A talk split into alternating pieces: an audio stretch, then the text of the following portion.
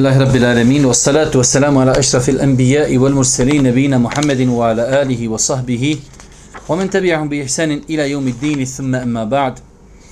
Doista svaka zahvara pripada uzvišom Allahu te barak wa ta'ala salavat miri selam na Allahog poslanika Allahog minenika Muhammeda alaihi salatu wa salam njegovu častnu porodcu uzorite ashabi sve ljude koji slijede put istine do sudnjega dana. Uvažna braćo četvrtak evo prije akšama družimo se u našem projektu Čitaone sa knjigom Dijela srca od profesora Hajrudina Ahmetovića. Imali smo jedno uvodno predavanje u kojem smo govorili generalno o bitnosti ove tematike.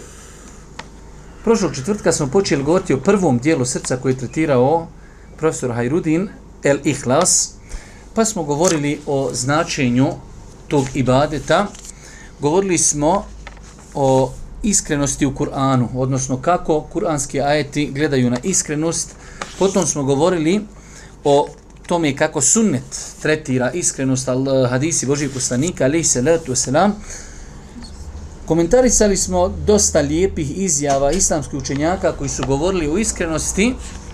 Spomenuli smo neka najbitnija dijela u kojima bi trebala se nađi iskrenost, a rekli smo da bi iskrenost trebala da bude u svim dijelima, jer je uvjet za primanje dijela kod uzvišnog Allaha subhanahu wa ta'ala da dijelo bude iskreno radi Allaha, bilo veliko ili maleno.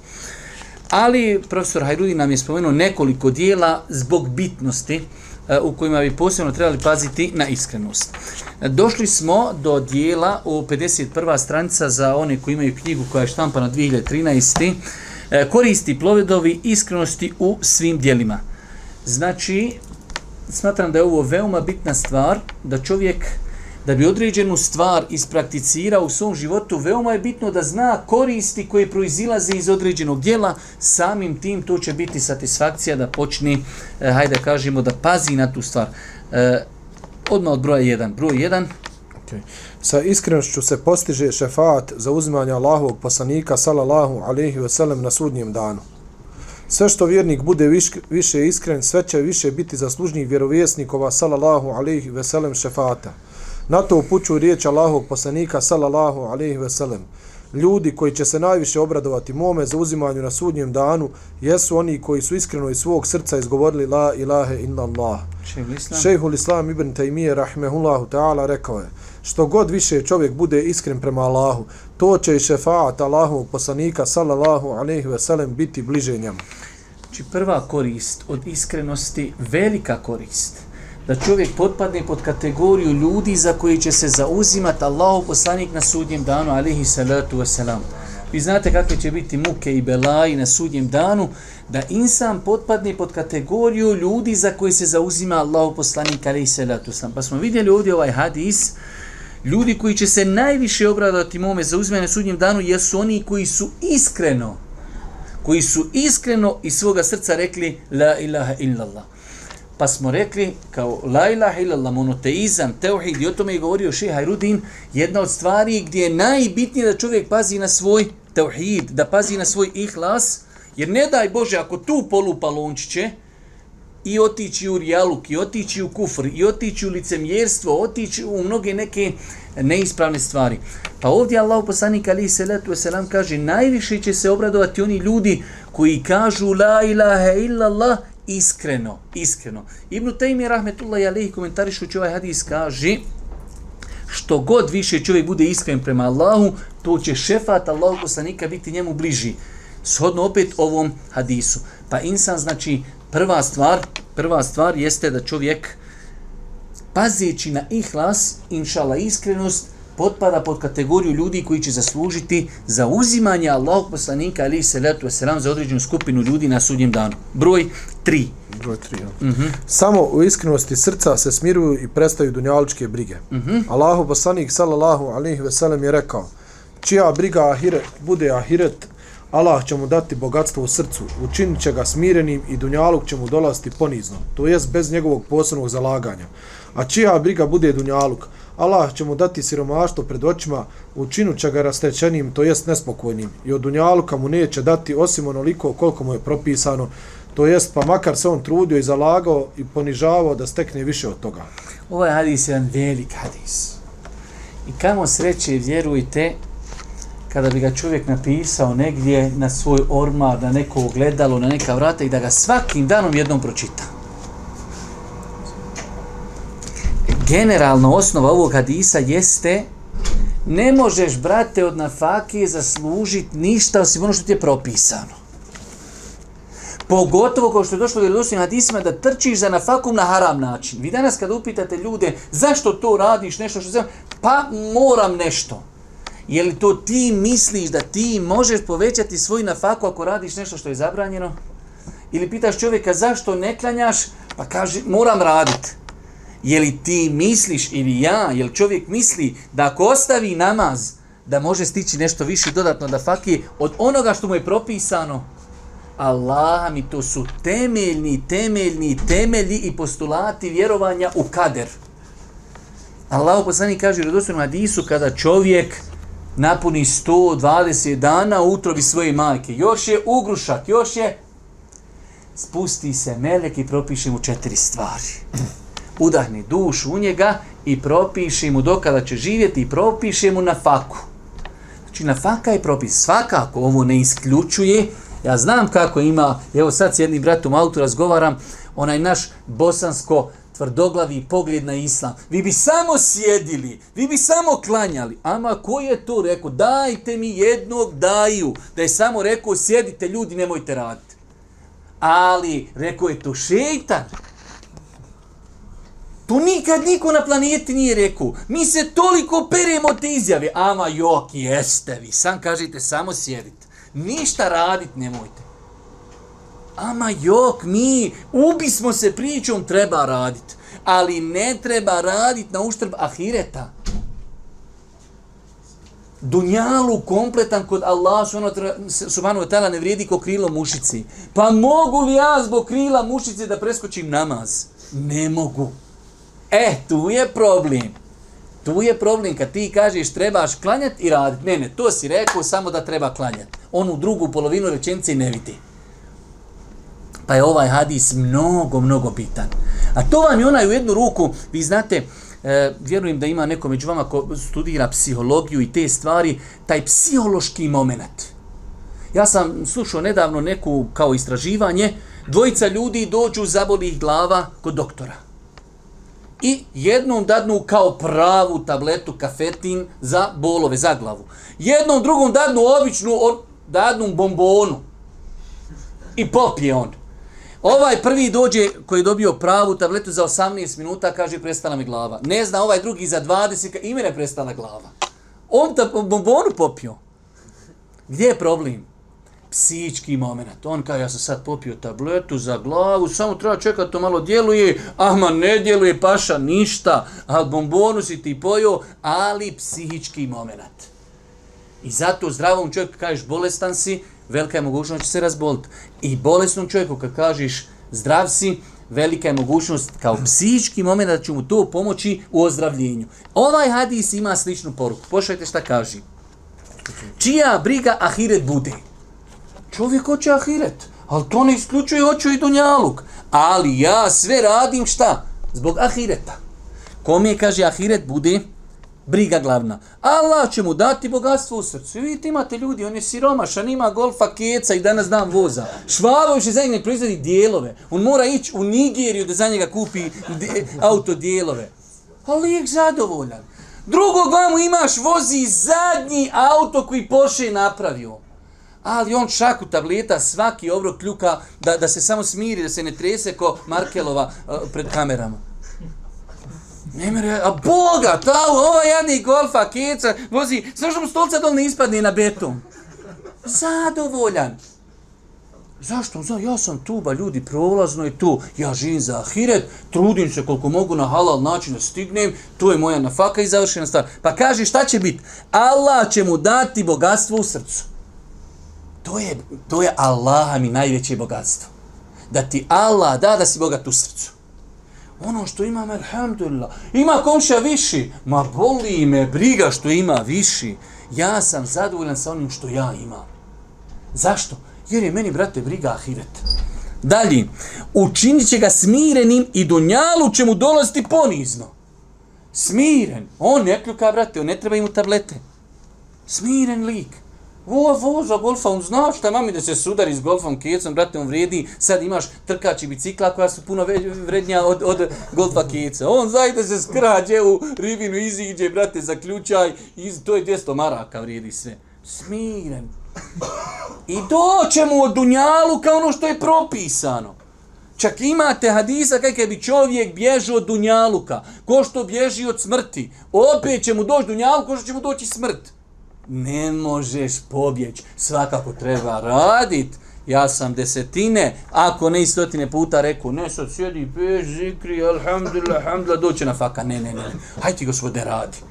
Ali kad radiš, ne može ti doći više od onoga što ti je propisano. Kome kaže, bude ahiret glavna briga.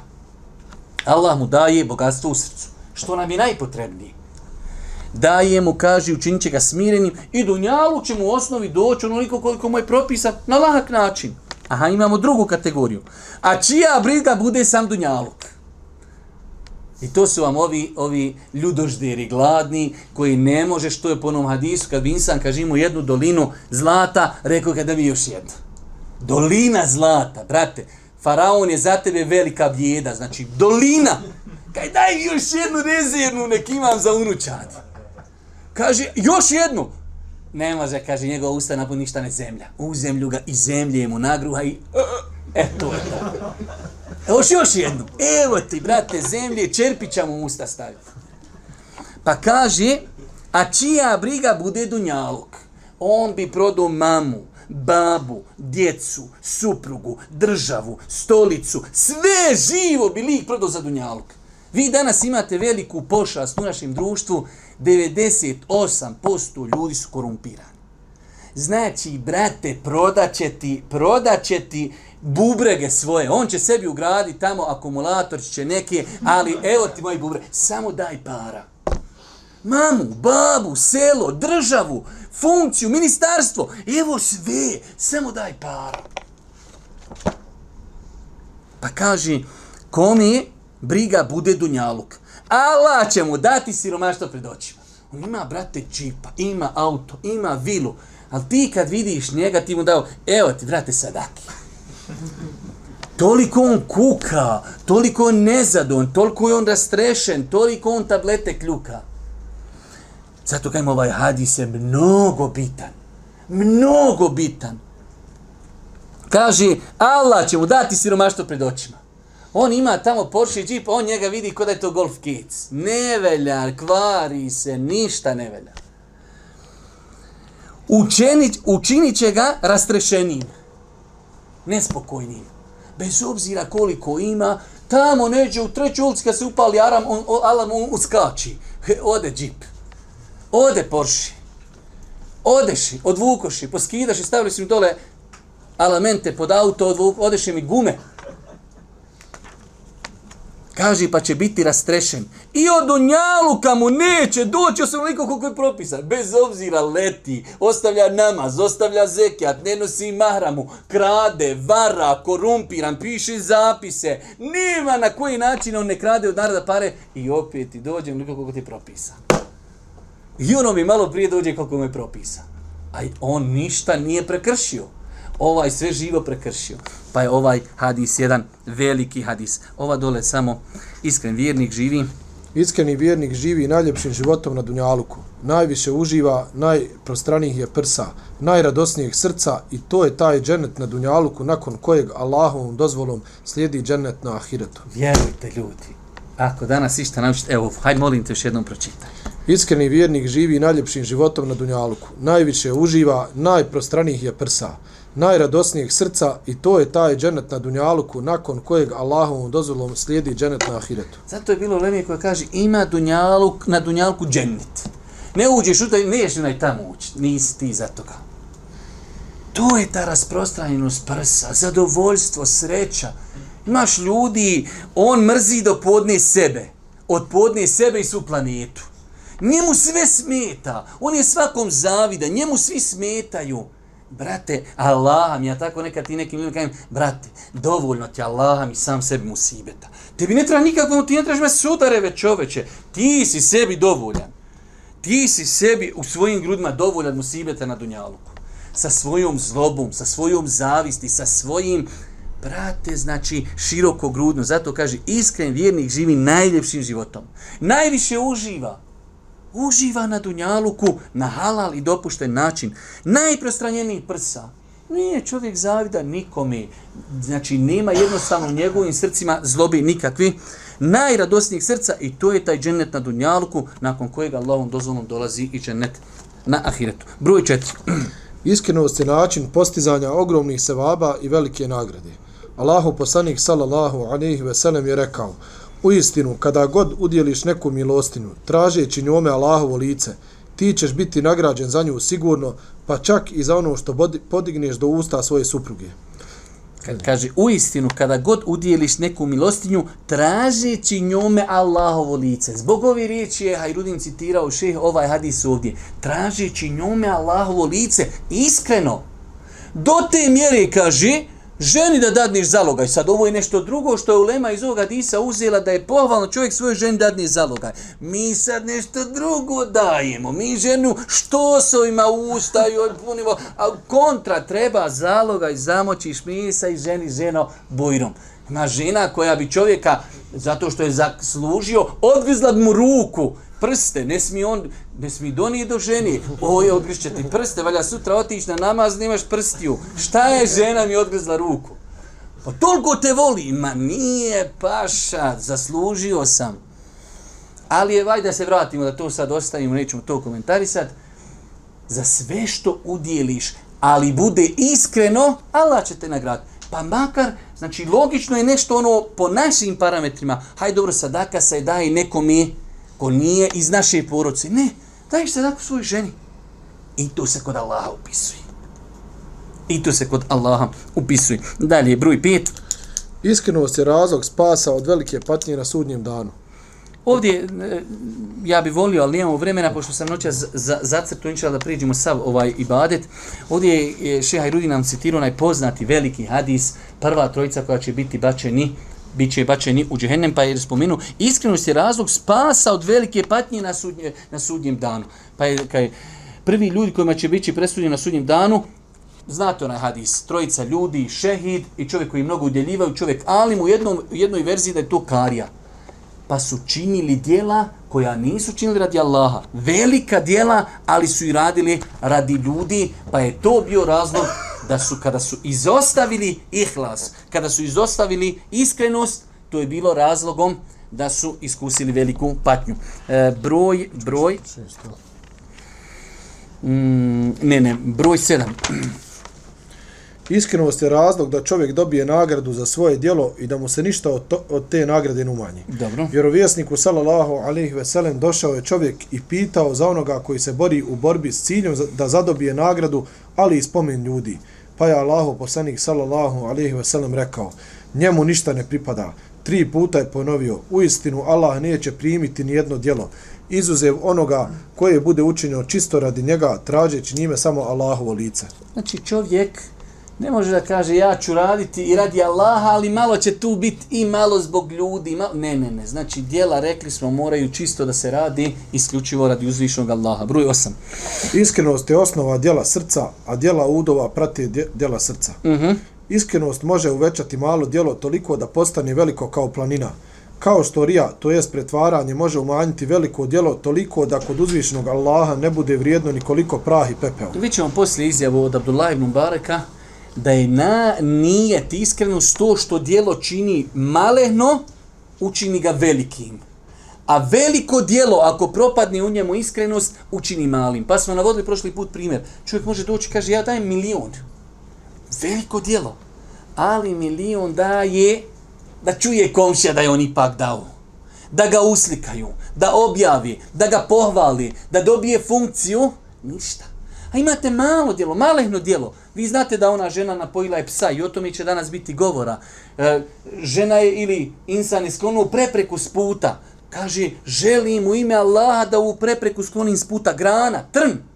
Pa mu je Allah zbog toga oprostio grijehe. Malehno djelo. Zbog čega? Zbog iskrenosti. Vidjet ćete onaj hadis, e, insan o tome malo razmišlja. Raz, hadis one žene koja je napojila psa.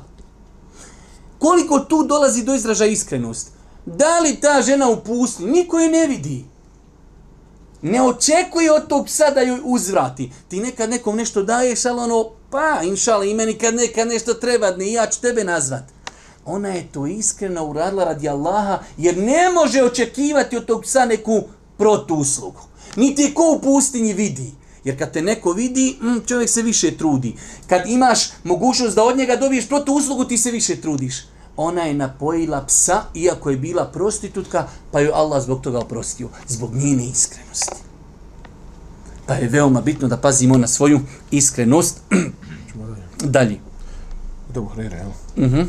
Ebu Hureyre radi Allahu an prenosi da je Allahu poslanik sallallahu alaihi ve sellem rekao kada god neko udjeli sadaku iz lijepog imetka, a doista Allah ne prima osim lijepo, milostivi je prihati svojom desnom rukom, pa makar se radilo o datuli. Zatim ta sadaka uveća se u ruci milostivog dok ne bude veća i od brda.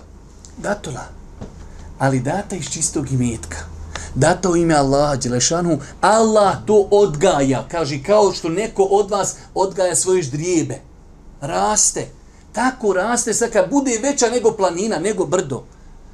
Pa je ovo u islamu nije bitan množi, koliko nek bude u ime Allaha, nek bude marka, ali radi Allah. A ne da bude milion, ali znači da nije 100% nije ispravan. E, bro, e, samo ovu izjavu od Abdullah ibn Mubareka na ovoj strani. Abdullah ibn al Mubarek, rahmehullahu ta'ala, rekao je, ponekada kad malo dijelo uveća, uveća iskren nijet, kao što ponekada veliko dijelo umanji neispravan nijet nekada malo dijelo zbog nijeta bude veliko. A nekada veliko dijelo kod Allaha bude maleno zbog nijeta. E, dalje, broj 9, odnosno broj 10. Iskrenost je razlog da dozvoljena djela adeti postanu i badeti i zasluži, zasluži se ogromna nagrada. Vidite, vi u islamu znate da imate dvije vrste dijela. Imamo i badete. To je nešto obredoslovlje klanjamo namaz, dajemo zekijat, idemo u džemat i tako, to su ibadeti. Imamo stvari koje su adeti, običaj. Trčati, hodati, jesti, piti i tako da spavati, to je običaj. I te stvari, ako imaš dobar nam, namjeru i nijet, mogu biti ibadet. Pa je, znači, tu dolazi do izražaja znanje ilm. Učeni ljudi, učeni ljudi, adete, običaje, pretvori u ibadet. A neučeni ljudi ibadete napravi adetom. Zato ćete vidjeti velik broj ljudi dođe u džam. Allahu ekber, svan kalam, vebjam kašan, Allahu ekber, sve mi Allah. On je tu učinio običaj. On ne zna šta klanja. Običaj. Neke žene nose mahramu iz običaja. I tako dalje. Pa učeni ljudi, vidite šta znači ilm i znanje. Ilm i znanje je razlogom da čovjek adet, pretvori u ibadet. A neznanje je razlog da ibadet pretvoriš u običaj. I ne imaš za njega nikakve nagrade. Da čujemo ovaj hadis. Ebu Zer radi Allahu an prenosi da Allahu poslanik sallallahu alaihi ve sellem jedne prilike rekao svojim ashabima i vi u vašem snošaju imate nagradu sadake. Ashabi su začuđeno upitali Allahu poslaniće, zar da neko od nas zadovoljava svoje strasti da opet bude nagrađen? Vjerovjesnik sallallahu alaihi ve sellem je upitao, šta mislite ako bi zadovoljio svoje strasti na zabranjen način? Zar ne bi imao grijeh? Isto tako kada je zadovolji na dozvoljen način, on ima nagradu. Imam nevevi. Imam nevevi, rahmehullahu ta'ala, osvrčić se na ovaj hadis, rekao je, u ovom hadisu je dokaz da dozvoljene stvari sa iskrenom namjerom postaju ibadeti. Tako snošaj postaje ibadet kada muž njime namjerava ispunjavanje potrebe svoje supruge, opođenje s njom na najljepši način, jer mu je to naređeno, naredi uzvišeni Allah, dolazak do čestog potomstva, očuvanje svoje čednosti i čednosti svoje supruge, sprečavanje da oboje gledaju zabranjeno ili razvrat, ili razmišljaju o njemu, priželjkuju ga ili da namjerava neki drugi od dobrih ciljeva. Znači, vidite ovdje u ovom hadisu je spomenuta je intimni kontakt. U osnovi intimni kontakt to je, hajde kažemo, kad bi ga gledali svrstat, da je to običaj, nije to ibadet. Ali ako čovjek u tom, iba, u tom postupku želi da se čuva od harama, želi čestito potomstvo, želi da, da obara pogled želi, i tako dalje, sve to postaje ibadet. I zato je to, zbog toga će biti nagrađen. Pa u islamu, znači, pogledajte, čovjek jede. Eh, dobro, jedem šta? Ako jedem, želim da se ojačam, da sutra mogu braniti islam i želim da mogu klanjati i ustati na noći namaz i tako dalje, zato može imati nagradu. Čovjek koji spava isto tako, čovjek koji trči isto tako, čovjek koji koristi miris. Imate ljudi koji koristi miris čisto onako da nema pri sebi lošeg, znači da se od njega ne čuje loš miris. Ali, ako čovjek koristi miris zato što je to preporučio Božji poslanik, oponaša Božjeg poslanika, cilj mu je sunnet Božjeg poslanika, on će zato imati nagradu. A pitanje je šta? Pitanje je samo nijeta. Dvojica ljudi, ovo dvojica uzeli parfem, jedan se miriše i drugi se miriše, jedan ima nagradu, jedan nema nagradu. Ovo dvojica oni miriše lijepo, ali jedan ima nagradu, jedan nema nagradu. Zbog čega? Zbog namjeri i zbog nijeta. Dalje. 11. Blagol se, ne, samo ovo, blagol se. Blagoli se onim vjernicima koji imaju visoke ambicije, pa im adeti zbog njihovih iskrenih namjera postaju i badeti. A teško li se onim neznalicama čiji badeti zbog njihovih loših namjera postaju adeti. Dobro, broj 12. Iskrenost je razlog opraštanja i velikih grijeha. Uh -huh. Šehul Islam ibn Taymiye rahmehullahu ta'ala kaže ponekada neko djelo čovjeka uči, čovjek učini na najbolji mogući način. U njemu bude potpuno iskren, pa mu se zbog tog djela oprosti veliki grijesi. Poput bludnice koja je napojila žednog psa, nakon što se u njenom srcu javila iskrenost koju je najbolje poznavao uzvišni Allah. Allahu poslanik sallallahu alejhi ve sellem je rekao: Dok je pas kružio oko bunara, skoro umirući od žeđi, vidjela ga jedna od bludnica Benu Israila, pa je skinula svoju obuću, napunila je vodom i napojila ga i zbog toga joj Allah oprostio. E sad, rekao je, ovo je bitno. Rekao je šehul Islam ibn Taymiye rahmehullahu ta'ala, ova bludnica se nije pretvarala u svome dijelu, već se naprotiv izložila opasnosti spuštajući se u bunar. Zatim je jednu svoju cipelu napunila vodom i tako je svojim ustima pridržavala sve dok se nije uspjela do vrha bunara i izašla iz njega. Zatim je bila skromna prema su ovome stvorenju kojeg po običaju ljudi udaraju. Svojom rukom pridržavala je cipelu dok je pas pio. Od njega nije očekivala nikakvu nagradu niti zahvalnost. I uzvišeni Allah joj je oprostio zbog njenog iskrenog nijeta i milosti koje se našli u njenom srcu. Vidite, znači, E, ja znam da imate bolesni ljudi, e, čak prije par dana mene je neko malo na, na Facebooku bocko zbogova. Eh, eto, islamu, bludnik, napojio čuku i završena stvar ovaj hadis je 100% vjerodostojan. Ali vidite, znači, mi muslimani ne pocijenjujemo niti, niti bilo kako dijelo. Ali je razlog koliko će naše dijelo biti veliko kod Allaha onoliko koliko bude u našem dijelu iskrenosti. Pa pogledajte kako je lijepo to elaborirao šehul Islam ibn Taymije. Šta kaže?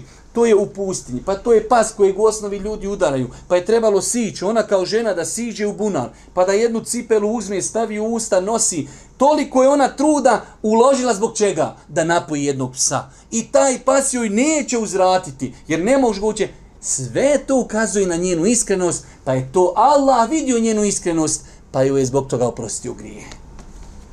Pa u islamu ne treba pocijenjivati malo dobro djelo da daš sadaki čovjeku deset feninga. Imaš, ne možeš više, dadni i nemoj se stiditi. Možda ti deset feninga budi razlogom da, da ako Bog da ti se grijesi oprosti. La tahqiranne min al ma'rufi shay'a. Allah poslani kaže nemoj prezirati i podcenjivati bilo kako dobro djelo. Bitno je samo da budeš iskren. Makar da sretniš brata muslimana veselog lica. Makar da komši odnese štanjir čorbe ili neke supi makar da udjeliš pola datuli. Pola datuli ljudi. Danas, da li bi se neko od nas stidio da pola datuli udjeli sadaku? Makar pola onako. Čuvajte se vatri, makar sa pola datuli. Ali ono što radimo da bude iskreno radi uzvišenog Allah. E, broj 13. Izlaz iz dunjaličkih tegoba i nedača ne biva osim zbog iskrenosti. Dokaz tome je hadis o trojici koja se ostala zatvorena u pećini. Svaki od njih trojice je dobio uzvišenom Allahu dijelom za kojeg se nadao da ga iskreno učinio radi Allaha. Govorili su u dobama, Allahu naš, u istinu ti najbolje znaš. Ako smo mi ova dijela činili tražiti samo tvoje zadovoljstvo, onda nam da izlaz iz ovoga u čemu se nalazimo. I uzvišen Allah je dao da se otvori izlaz iz pećine. Znači, do, e, iskreno urađeno dobro dijelo i na dunjaluku polučuje pozitivne rezultate. Znate onaj hadis koji Boži poslanik ispričao trojice ljudi koji su krenuli na put, pa su ušli u pećinu, pa se oborila jedna velika stijena, nisu mogli izići, pa je svako od njih rekao, hajde da svako od nas spomeni svome gospodaru dijelo koju uradio, iskreno radi Allaha, da nam Allah pomogni. Pa je svako od njih ispričao dijelo, ali na kraju je kazao gospodaru. ako ti znaš da sam to dijelo uradio iskreno radi tebe, daj da se ovo pomjeri. Pa se pećina svaki put pomjerala, pa su izišli. Pa iskreno dobro djelo biva razlogom Znači da Allah Đelšanu olakša insanu nekim njegovim usibetima i mukama. Isto ćemo vidjeti sljedeći broj 14. Zbog iskrenosti vjernik će dobiti nagradu za djelo, pa makar ga i ne učinio. Džabir ibn Abdullah radi Allahu anhuma je rekao, bili smo s vjerovjesnikom sallallahu alaihi veselem u jednoj od bitaka, pa nam je rekao, u istinu u Medini su ostali ljudi za nas. Mi nećemo prijeći ni jedan tjesnac, niti bilo koju dalinu, a da oni nisu s nama. Zadržao ih je opravdan razlog, a u drugoj verziji stoji učestvuju s vama u nagradi. I drugi hadis isto. Također u Buharinu muslimom sahihu od Ibn Abbas radi Allahu anhuma se prenosi da je vjerovjesnik sallallahu alaihi veselem rekao Doista Allah je propisao dobra i loša djela, a zatim je sve to pojasnio. Pa onaj koji poželi da učini dobro djelo i ne učini ga, svevišnji Allah mu u potpunosti piše to djelo. A ukoliko poželi da ga uradi, pa i uradi, Allah mu piše to tijelo od 10 do 700 puta, pa i više. Mi smo ovaj hadis detaljno komentarisali kad smo čitali knjigu 40 hadisa i vama Nerevija, ali je znači e, milost uzvišnog Allaha prema ovom ummetu da insan samo kad ima namjer da uradi dobro djelo. Ali ovdje je veoma bitno, rekli smo šta? Iskreno. Ja sam navodio primjer, rade čovjek vidi ajde da kažemo, prosjaka pred svojom zgradom. Nema uza se novčani, kaže, ode kući uzet novac da mu donesem. Siđe, nosi novac, hoće da mu da. Dođe, on otišao. Njemu se upisuje da je udjelio sadaku. Zbog čega? Jer je on poduzeo sve iskreno, završeno. Takav insan biva u islamu nagrađen kao da je uradio.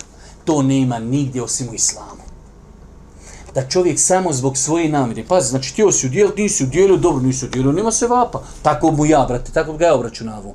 Ali kod uzvišnog Allaha ne. Ti si imao nagradu, tebi pare nazad, a tebi se upisuje nagrada. Pa je znači, ali zbog čega? Zbog iskrene, zbog iskrene namjeri. E, broj, broj je, samo da vidimo, ne, broj 16. Zbog iskrenosti vjernik može dobiti nagradu, pa makar i pogriješio u svome dijelu. Vidite sad ovo. Imamo verziju nije uradio djelo, pa dobije nagradu. Imamo sad drugu verziju, čovjek uradio djelo, ali pogriješio, ali je bio iskren. Dobit će nagradu. Da vidimo čemu se radi. Primjer spomenutog je primjer učenjaka Mučtehida koji uloži maksimalan napor.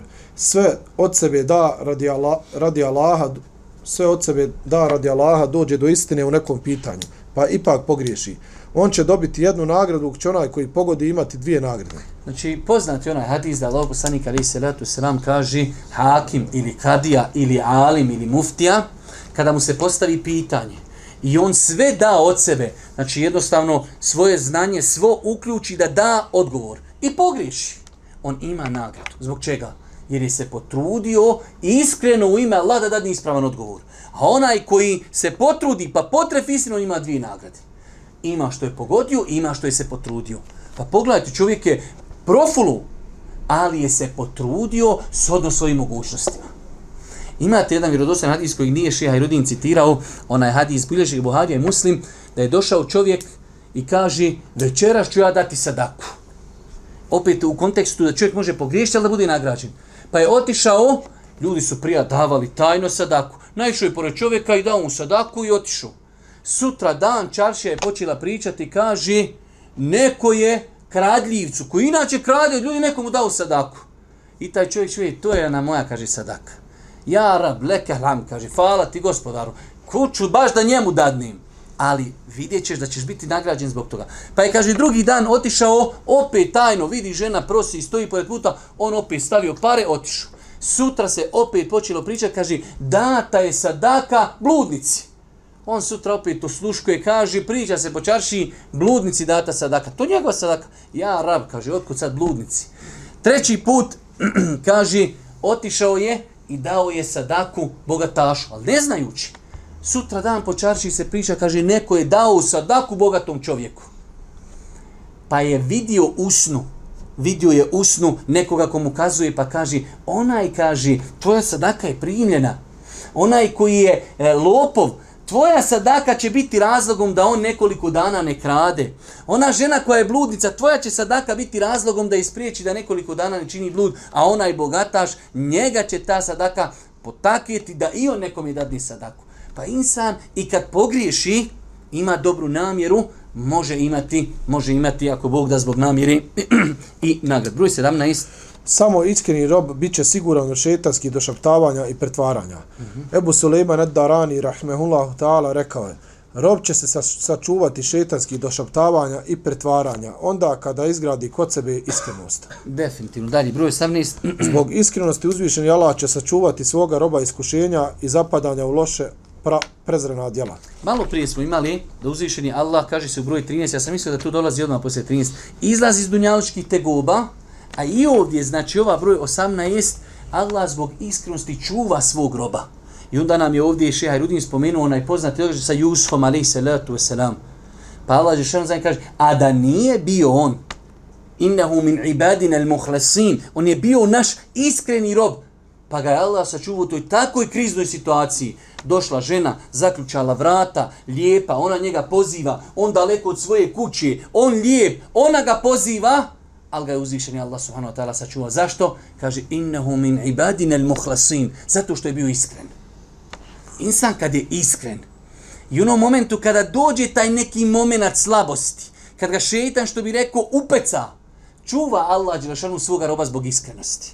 Ako je bio inače iskren, kao što Yunus alaihi salatu wasalam, kada Allah Đelešanu kaže, a da on prije toga nekad nije bio minel musedbihin, da nije on napunio ranije kredita, čime? Zikrom, pokornošću, tada treba dole iz kita zvat. Ja, ima konekcija. Brate, u nas se ovdje nema konekcije. Zato što imamo grijeha, ima dobri dijela, ima svašta i udrobljenog. Meleci kao odnekle se čuje neki glas. Junus alaih selam iz dubine dole, iz mora. Ali Allah Đelšanu kaže da on nije prije toga bio onaj koji mnogo zikri, pokoran, čuva Allahove granice. Ostavljom, kaže, tu u utrobi kita do sudnjeg dana. Zato kaže Allah poslanik vjerodosinu hadisu, znaj za Allaha u blagostanju. Aha, to tada se puni kredit. Kad imaš para, znaće Allah za tebe kad ti bude teško. U nas dođe teško, ja rab, ja rab, to brate, ne ima, nisi napunio ništa, ne fata. Da insan treba u blagostanju pripremat. Vidio se one trojice u pećini. Što da nama se pećini, nas drvo kako da zatvori. Šta je reći Arab? Šta sam to uradio? Ja nemam jedno djelo. Za koji mogu reći, ja Arab, ovo sam uradio radi tebe, gdje da se nešto pomjeri. Ali iskreno činjenje dobrih dijela. Nakon toga, e, Šeha nam je ovdje spomenuo nešto veoma korisno, to je e, da se spomeni kako i na koji način da čovjek postigne tu iskrenost. Sad, nakon što smo vidjeli šta sve od koristi dolazi, to je samo jedan dio nagrada dunjalučko-ahiretski koji proizilaze iz iskrenog činjenja dobrih dijela, da vidimo kako bi čovjek mogao postići tu iskrenost, što je možda i najbitniji dio svega toga. Dova, broj jedan. Dova. Uputa je u rukama Allaha subhanahu wa ta'ala. Sva srca se nalaze između dva prsta milostivog i on ih okreće kako hoće. Zato pribjegavaj onome u čijoj je ruci uputa. Njemu iznesi svoju potrebu i svoju ovisnost. Stalno traži iskrenost od njega. Enes ibn Malik radi Allahu an rekao je Allahu poslanik sallallahu alejhi ve sellem učio bi u svojoj dovi gospodaru moj utječem se od želje za čuve što je ovo? Za čuvenjem. čuvenjem i utječem se od pretvaranja. Ja sam danas možda potrošio vremena i vremena da provjerim ovaj hadis. Šta je šejh tio da rekne čuvenjem? Utječem ti se utječem ti se uh, utječem se od želje za čuvenjem. U smislu, to je na arapskom toliko jednostavno, ali kad ga na bosanskom upakuješ, onda moraš se vratiti na arapski. Es suma, da čovjek utječem se gospodaru, da moja djela radim, da se čuje za moja djela. Znači imate ljudi koji rade djela da ga vide ljudi. Imate drugi ljudi rade da bi se čulo za njegova dobra djela. Pa je se Allah poslanik od oba dvije ove dvije stvari utjecao, gospodar, olakšaj mi to da se borim protiv šeitana, da moja djela ne budu, da ih radim da me drugi vide, niti da ih radim da drugi čuju za moja djela. Pomozi mi da moja djela budu iskreno radi tebe. I ovo je, braću moja draga, jedan veoma bitan moment, današnje vrijeme. Vjerujte savjet i meni i vama. U današnje vrijeme što više vremena provodite u dovi. Što više se vezujte za Allaha. Ovo su veoma teška vremena.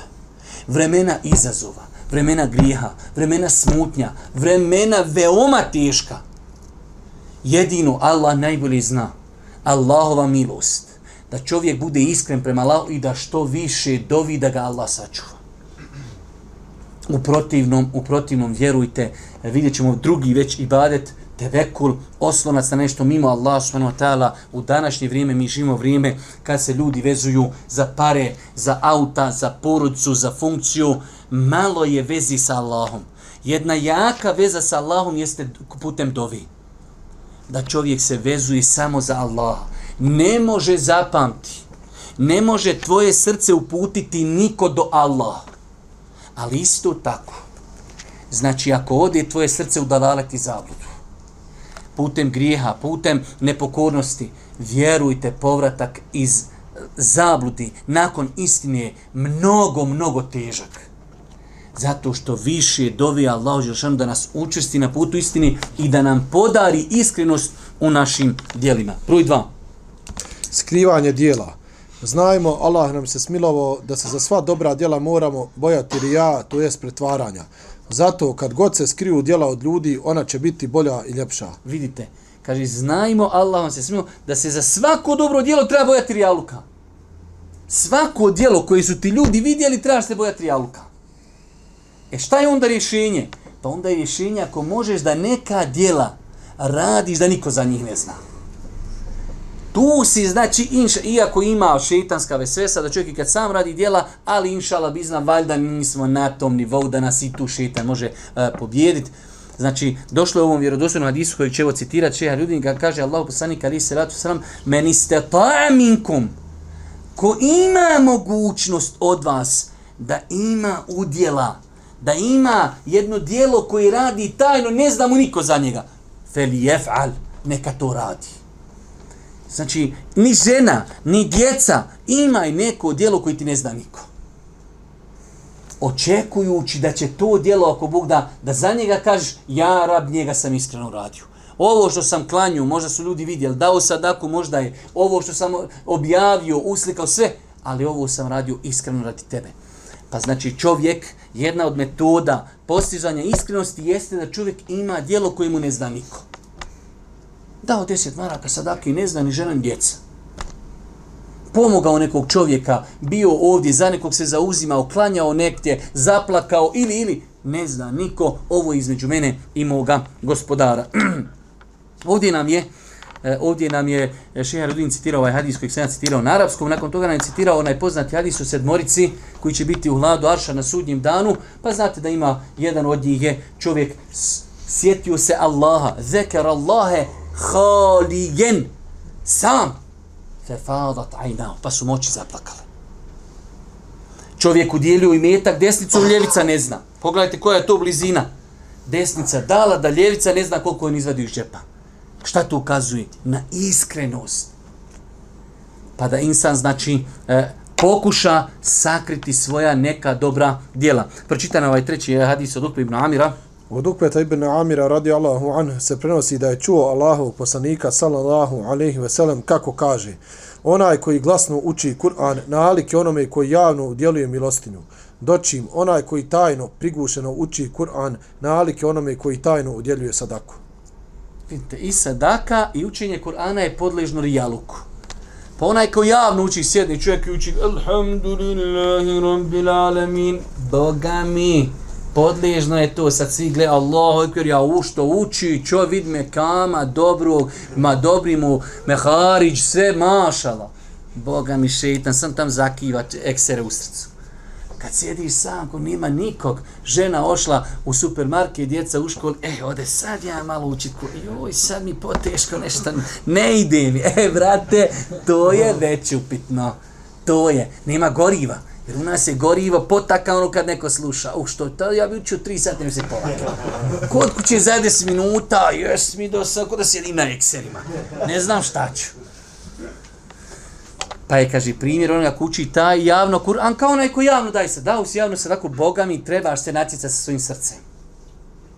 Ali kada dadneš tajno sadaku, ne zna niko, ode, to je mnogo, mnogo bolji. Iako, e, generalno gledajući pravilo, tajno javno činjenje ibadeta, nekada može javno činjenje ibadeta biti bolje nego tajno. Opet shodno vremenu i prostoru.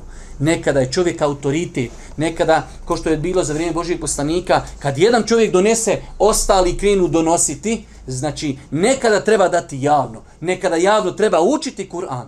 No i sjede ljudi u džami, njih 20, oha, se pokupio sjeno, jesam, jesam. A tam kad vidi onaj uči Kur'an, šućajmo i mi uči Kur'an. Pa neka treba javno raditi i badete.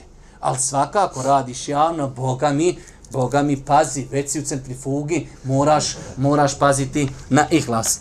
Dobro, idemo e, na, sad u ovom činjenju dobrih dijela imamo, e, znači da je, kada je u pitanju ova tačka broj 2, skrivanje dobrih dijela, imamo tu nekoliko podstvari. Prva stvar pod A. Plać i straha od uzvišenog Allaha. Pretvodio je hadis Ebu Hureyre radi Allahu anhu u kojem Allahu poslanik sallallahu alaihi ve sellem spominje sadmoricu koji će uzvišni Allah staviti u hlad arša na sudnjem danu kada ne bude nikakvog drugog hlada. Pa je spomenuo među njima i čovjeka koji se sjetio Allaha u samoći pa su mu oči zasuzile. Znači ovo su sad kao primjeri sakrivanja ibadeta, pa je sakrivanje jedan od ibadeta jeste i plakanje.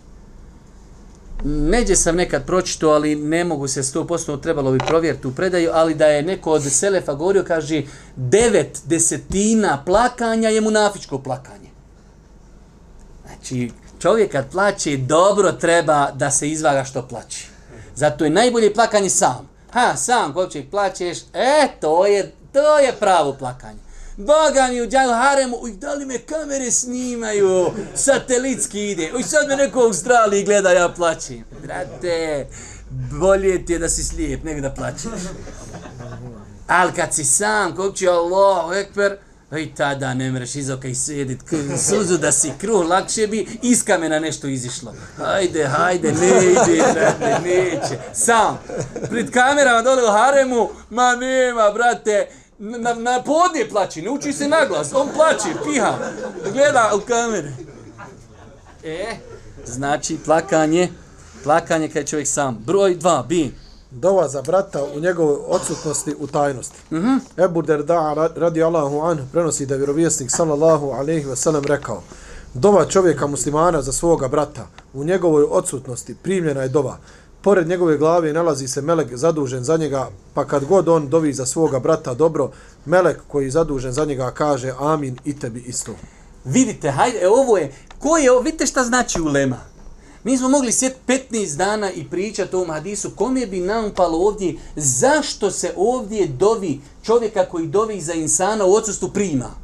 Zašto se prima ta dova?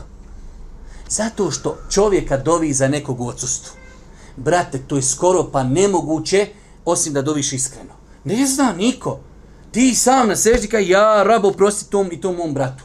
To ne zna niko. Ti si tu hiljadu posto iskren. Zato se ta tvoja dova i prima. Čuješ šta kaže Šehul Islam ibn Tajmije? Šehu Islam ibn Tajmije, rahmehullahu ta'ala, rekao je, dova za odsutnog prije će biti primljena od dove za prisutnog, jer je u takvoj dovi iskrenost upotpunjena upotpunjena. Ti sada doviš čovjek, za čovjeka, ajmo doviti sad za Mirzu. Brate, to ti je, ali kad ja sam kod kući u noćnom namazu dovim za Mirzu, nemam ja tu, ne očekujem nijekoga nikakvu valu. Ja tada iskreno to radim radi uzvišenog Allaha subhanahu wa ta'ala. E, ci. Mnogobrojno klanjanje dobrovoljnih namaza u kući. Mm -hmm. Dobrovoljni namaz u kući vrednije od dobrovoljnog namaza u mežđidu. Allahu poslanik sallallahu alaihi ve sellem rekao je čovjekov namaz u njegovoj kući vredniji od njegova namaza u ovom mom mežđidu osim obaveznih namaza. Generalno, mi smo to više puta govorili, generalno je pravilo, generalno je pravilo da je namaz u kući bolji nego namaz e, u džamiji kad su u pitanju na file. Kad je u pitanju farz, bolji je namaz u džematu nego namaz u kući. Iako, E, kad sam ja pisao ovu knjigu, e, ima to zabilježeno ovdje, e, čak na nefijskom mezhebu navode razlog zašto je bolji namaz u kući na fila nego u mešćidu iz razloga, kaže, iskrenosti. Jer čovjek, e, kad svaki dan klanja sunete u džamiji, jednostavno to dolazi vremenom, a svaki dan klanja, Allahu ekber, jes kontinu, kako on može uvijek klanjati? Dok kad ode čovjek kući, tada ga niko ne, ne vidi tada više nije podložan da mu srce napadne šeitan, ono, možda to radiš da te neko, ne, gotovo, ja došao kao će, ne vidi me niko. Pa je zbog toga sunnet propisao, vjerodostojan sunnet Božijeg poslanika, da je na filu bolje klanjati kući, a da je farze bolje klanjati u džami. E, di? Ljubav prema siromasima. Uh -huh. Siromasi nemaju metka pa da ih neko voli radi njega. Već ukoliko se vole, tada se vole iskreno radi Allaha, a ljubav u ime Allaha jedna je od najčućih imanskih veza, jedan od pokazatelja slasti imana. Allahu poslanik sallallahu alejhi ve sellem molio je svoga gospodara da mu podari ljubav prema siromasima, kako se spominje u njegovoj dovi. Duga je to dova, uglavnom eh, od stvari koje pokazuju na iskrenost da čovjek voli siromahe. Lako je vol bogataše. E, bogataš sa njim, fino, trpeza, dobra, auto, i ta, uvijek ćete nešto dobro zaplaniti. Sa vjedom ništa, brate. On sam ti može nanijeti bela, e, kad ćeš mi donije, kad će... Njega kad voliš, to je pokazatelj iskrenosti. Od njega ništa ne očekuješ. Od njega samo očekuješ da te glava zaboli. E, takvog volit, to je iskrenost. Do Boga mi bogat, bogatog volit, tu trebaš, tu trebaš napraviti dobar filter kroz koji će proći tvoj nijet pa da vidiš e, o čemu se radi. Dalje, broj E. Dobrovoljni post. Uh -huh. Budući da je post skriven između čovjeka i njegovog gospodara, Allahovi iskreni robovi nastoje ga skriti na svaki mogući način kako niko mimo uzvišenog Allaha ne bi saznao za njega. Ali vidite ovdje e, stavljeno kaj dobrovoljni post. To je dodatno skriveno. Ti kad postojiš farz, svi znaju, Ne možeš ti sad reći, evo ljudi, ja sakrio, danas je Ramazan, ja sakrio da postim. Ne, brate, svi postimo. Ali sad možeš postići četvrtak, niko ne zna. E, to je znači sakrivanje dobrih dijela. Dobrovoljni post, da čovjek znači posti i niko ne zna, ne vidi se na čovjekovom licu. E, broj tri, znači mi sad govorimo kako postići ihlas, pa smo rekli prva stvar dova, druga stvar sakrivanje dobrih dijela, pa smo govorili o nekim sakrivenim dijelima, sad idemo broj tri obavljanje sabah i jacije namaza u mešćidu. Uh -huh. Ebu Hureyre radi Allahu anhu prenosi da je vjerovjesnik sallallahu alaihi sellem rekao nema težih namaza za licemire od sabaha i jacije, a da znaju kolika je njihova vrijednost, dolazili bi na njih pa makar i puzući. Uh -huh. A sad gdje, gdje je pojenta da čujemo? Ova dva namaza teške su licemirima jer oni ne odlaze na namaze osim da ih vide ljudi. Kako o tome govori uzvišeni Allah u svojoj knjizi. A sabah i jacija namaz klanjaju se po tminama, pa na njih ne odlaze osim iskreni Allahovi robovi koji su samo zadovoljni Allahovim pogledom i njegovim znanjem.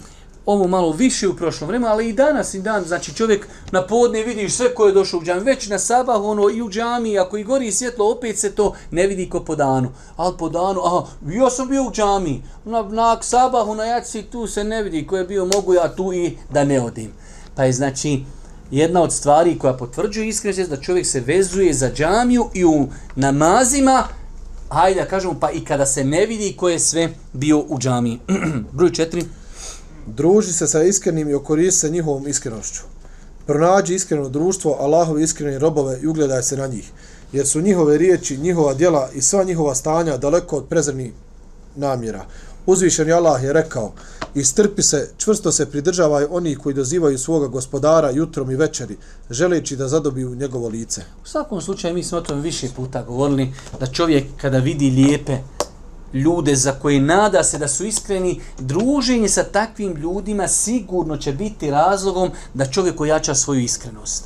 Jednostavno, kad se družiš sa dobrim ljudima iz svih njegovih postupaka, iz dijela, iz govora, iz ponašanja, izlazi ta iskrenost. Onda definitivno će to ostaviti traga na insana. Broj pet. Često iščitavanje životopisa iskrenih Allahovi robova Selefu Saliha. Proučavanjem životopisa ispravnih prijetodnika postiče dušu da ih slijedi, da svoj put prosvjeti njihovim svjetlom, da se koristi njihovim riječima i dijelima. U istinu, njihove riječi bile su malobrojne, ali je bereket u njima bio ogroman. Dočim naše riječi ne mogu se pobrojati, a sve manje i manje bereketa je u njima. Generalno gledano, e, insan kada neke stvari vidi od poslanika, uvijek mu prvo ono dođe, pa on je poslanik. Njega Allah pomogao objavom i tako dalje. Dobro, ali uzmete ljude iz prvih generacija koji nisu bili poslanici. U smislu, to su ashabi, tabiini, tabi, tabiini i tako dalje. Pa kada vidite primjere njihove iskrenosti, onda to čovjeka stimuliše, pa dobro, ako su oni mogli, zašto i ja ne mogu? Pa je dobro da čovjek s vremena na vrijeme neke knjižice, e, knjige, predaje, predavanja posluša o iskrenosti i izjavama prvih generacija o iskrenosti. Dalje, broj Šest. smatranje djela malim. Mhm. Čovjekova bolest ogleda se u njegovom zadovoljstvu svojom dušom. Onaj koji bude se zadovo, sa zadovoljstvom posmatrao svoju dušu, taj ju je upropastio. Onaj koji bude zadivljen svojom dušom, njegova iskrenost će se umanjiti ili potpuno istrgnuti iz njegova srca, pa će mu dobro djelo propasti nakon što ga i počini. Evo, ovdje je znači veoma bitna stvar. E, ja sam nekada o nekim sličnim stvarima govorio, a to je da čovjek svoja dijela u osnovi smatra malenim. I zato će ja se sjećam e, u nekim situacijama, neki veliki ili tipa Šibin Baz, rahmetullah Ali, to je čovjek zaista, Allah najbolje zna, ali jedan veliki, veliki imam ovog vremena. Jedne prilike sam gledao kad su ga ljudi počeli ono predstavljati prije predavan, pa su počeli govoriti o nje, ma jo, ka ništa, mi smo kaj obični insan koji svi ostali, de kaže, preskoči to, molim te da počnemo sa predavanjem čovjek koji je uradio za umet, za znači e, stvari koje vjerujte i danas dan, i danas dan se razotkrivaju dijela koja je on radio za svog života. 15 godina nakon njegove smrti. Neki dan čovjek je napisao E, da ne slažem, ali ogroman broj, kaže, sakupljena su sva pisma u kojima je Bin Baz Rahmetullahi Alihi slao pismo da bi se za nekog nešto zauzimo. Ne, ne, nikakva fetva, ništa. Šalje nekom pismo, zauzimam se za tog i tog da mu nešto riješiš. Mislim da je broj bio oko 100.000 takvih pisama za svog života napisao. Samo zauzimanja, ne fetve, ne nekakvi, samo pismo. Čak se navodi da u to vrijeme u Francuskoj e, bio je neki musliman zatvoren u zatvoru. Pa je njemu nampalo kop cijeli dan čovjek iskon u zatvoru, veli idem ja napisat pismo Bimbazu da se on obrati prijesedniku države da ne pomiluje. I kaže on napiše pismo Bimbazu, njemu i sad mogu napisat pismo. Pa je Bimbaz ništa, bismillah, piši predsjedniku države od Bim Baza, molim te u zatvoru ima čovjek taj i taj, ako može ikako, da mu se nešto toleriši. I kaže, došlo pismo predsjedniku, se prvo momentu nasmiju, šta je ovo, kako, čovjek u zatvoru nek sjedi. Pa kaže, ko je taj Bim Baz? Pa kaže, pa to je nešto ko papa kod kršća, nešto, neki vođa. Kaže, njemu nije bilo teško da meni otuda napiše pismo za njega. Može li svi kako tolerisati? Pa kaj održležuje neko špola? Puštaj čovjeka, kaže, kad je ovaj zbog njega ozdol toliko pismo napisao. Znači, velike stvari, velike stvari. Tako da, braću moja draga, čovjek e, u životu koji nešto je uradio, ne zna prvo da mu je to Kabul. Ja to dosta puta vidim kod nas, završio se Ramazan. Ha, na Bajramu je kod nas non stop priča, gotovo ljudi, oprošteni nam grijesi, gotovo, okrećeno, sve ofarbano. Prežesto koje to za mene. Mi se nadamo, očekujemo, molimo, stravujemo, radili smo neke ibadete, molimo Allah da nam oprosti. Ali svoja dijela uvijek trebaš smanjiti, smatrati malehnim. I jesu, vjerujte, prvo kroz ihlas, drugo, bez obzira šta da si uradio. Allah mi kada staniš pred velike ljude, ti se osjetiš ko mala maca. Evo, nešto si bajagi uradio za islam. Dobro, jesi. Hajde, dobro. Hajde ti izvagamo sa Abdurrahmanom Sumeitom koji je radio u Africi. Brat, 13 miliona ljudi primilo njegovim svemu islam. Mjau! Mjau! Oz, dalje. Sljedeći. Šta si uradio? Tri letka podijelio i dva puta klanio noći namaz, jednom rekao Alhamdulillah, Ramukella kihnu i to je to. I to, to je evo me, ja ode u džennet. Sjedi, zikri šućura, Allah te uputio. Šta su ljudi? Ljudi davali sve svoje imetke. Ebu Bekr donio cijeli imetak. Omer donio pola imetka. Osman, hiljade ljudi opremio za Tebuk. Opremljene deve, sve, samo se popni, idi u džihad. Da ti nisi čitaš ikar, sve para što se sastaje nisi dao 500 rijala, 500 maraka nisi dao na Sergijeva, čitaš živo i bal, ja dao nešto. Šta si dao? Ništa, bolan. Šta su ljudi davali? Kroz historiju i danas šta ljudi daju. Zato od ihlasa jeste čovjek svoja djela. Ma ništa, bre, to što je uradio. Da Allah u Kabuli, nije to ništa šta su ljudi prije nas radili. Zaista. Vidite, uzmeš biografiju od imama Zehebija i čitaš šta je li knjiga napisao. Knjiga koja govori sam šta je on knjiga napisao. Knjiga napisana šta je on knjiga napisao. Znači, nema šta znači da, da sam da, da uđeš u zemlju i da šutiš. Pa da čovjek kaže, ja rab nisam ništa uradio. I opet vidiš te veličinu, veličinu tih ljudi. Pročitaj imama Zehebija kad je pisao sam o sebi svoju biografiju o Siru e Alamu Bela. Češ vidjeti šta je pisao o sebi. Pa je znači vrlina iskreni ljudi da svoja dijela istinski smatraju da su to malehna dijela. Boje se da li su primljena kod Allaha u osnovi. Pročitaj nam e, ovu Sejid ibn Džubeir. Sejid ibn Džubeir, rahmehullahu ta'ala, je rekao čovjek je ušao u dženet sa grijehom i čovjek je ušao u vatru sa dobrim djelom. Upitan je kako to? Rekao je, čovjek je počinio loše djelo, grijeh, pa nije prestao strahovati od Allahove kazne zbog tog grijeha. Sve dok nije sreo Allaha subhanahu wa ta'ala, pa mu on oprostio zbog njegova straha od njega uzvišenog. I čovjek je učinio dobro djelo, pa se nije prestao diviti sebi zbog toga djela, sve dok nije sreo Allaha sa takvim postupom i on ga uveo u vatru. Ja sam nekad davno pisao ovo mi. Znači imate ljudi, njegovo dobro djelo bude razlog da uđe u vatru. Imate ljudi čiji grije bude razlog da uđe u džennet. Kako? Uradio čovjek grijeh i taj grijeh čitav život ga ti si uradio grijeh, on svaki dan bolji, ali njega onaj grijeh njegov, a ti si uradio grijeh, ti si uradio grijeh, ti si uradio grijeh, pa toliko on popravlja se, popravlja da zasluži zbog tog grijeha džennet. Ima ljudi uradio dobro djelo i čita život, ali e, ja znao sam ja, pa znaš kad sam ja, prije 18 godina sam ja dao, nemojte više mene, šta mene čitav život zovete, uvijek u mene, samo daj od mene, ne mogu ni ja uvijek davat. Ja sam dao i uvijek ja dao, ja dao, ja dao, ja dao, dok to se ne potroši, dok ne ispuši. Pa insan treba znači da svoja djela gleda malehnim. Isto tako... Strah od neprimanja djela. Svako dobro djelo koje učini smatraj ga malim. Kada ga učini strahuj da ne bude primljeno. Ispravni prijetodnici bi u dovi učili Allahu naš, molimo te za dobro djelo i za njegovo čuvanje. Dosta, pošto moramo malo skratiti. Strahovanje od primanja dobrog djela. To smo malo prije govorili. Insan bez obzira koliko je uradio dobro djelo, ostaje onaj moment A dobro, smiješ li se ti sam sebi zakljeti da kažeš, e, ja garantujem da ovo djelo radi Allaha. Kad počneš tam će prkat malo po srcu, pa vidio me komšija, pa znaš šta je kad sam krenuo, pa uslikao sam se, pa sam na, oh, oh, boga mi, ima vjetrova tu, ima rupa puno. Pa strahovanje, da je strah, uradio sam dobro djelo, sad ostaje, da li će biti primljeno? To je pokazatelj iskrenosti. Broj 8. Ne osrtanje na govor ljudi. Čvrst vjernik se nosrće na hvalu drugi ljudi. Ukoliko ga pohvali dok on čini dijela pokornosti, njihove riječi mu neće povećati ništa drugo od skromnost i strah od Allaha subhanahu wa ta'ala. On dobro zna da je hvala ljudi iskušenje po njega, pa doziva svoga gospodara da ga sačuva ovog iskušenja. Dalje, broj 9. Svjesnost da ljudi ne posjeduju ni dženet ni vatru. Kada čovjek svati da će oni zbog kojih se pretvara zajedno s njim stajati na mahšeru, nagi i prestrašeni, tada će shvatiti da usmjeravanje namjere njima nije na mjestu, jer oni neće moći umanjiti strahote mahšara, već će zajedno s njim sve to doživjeti.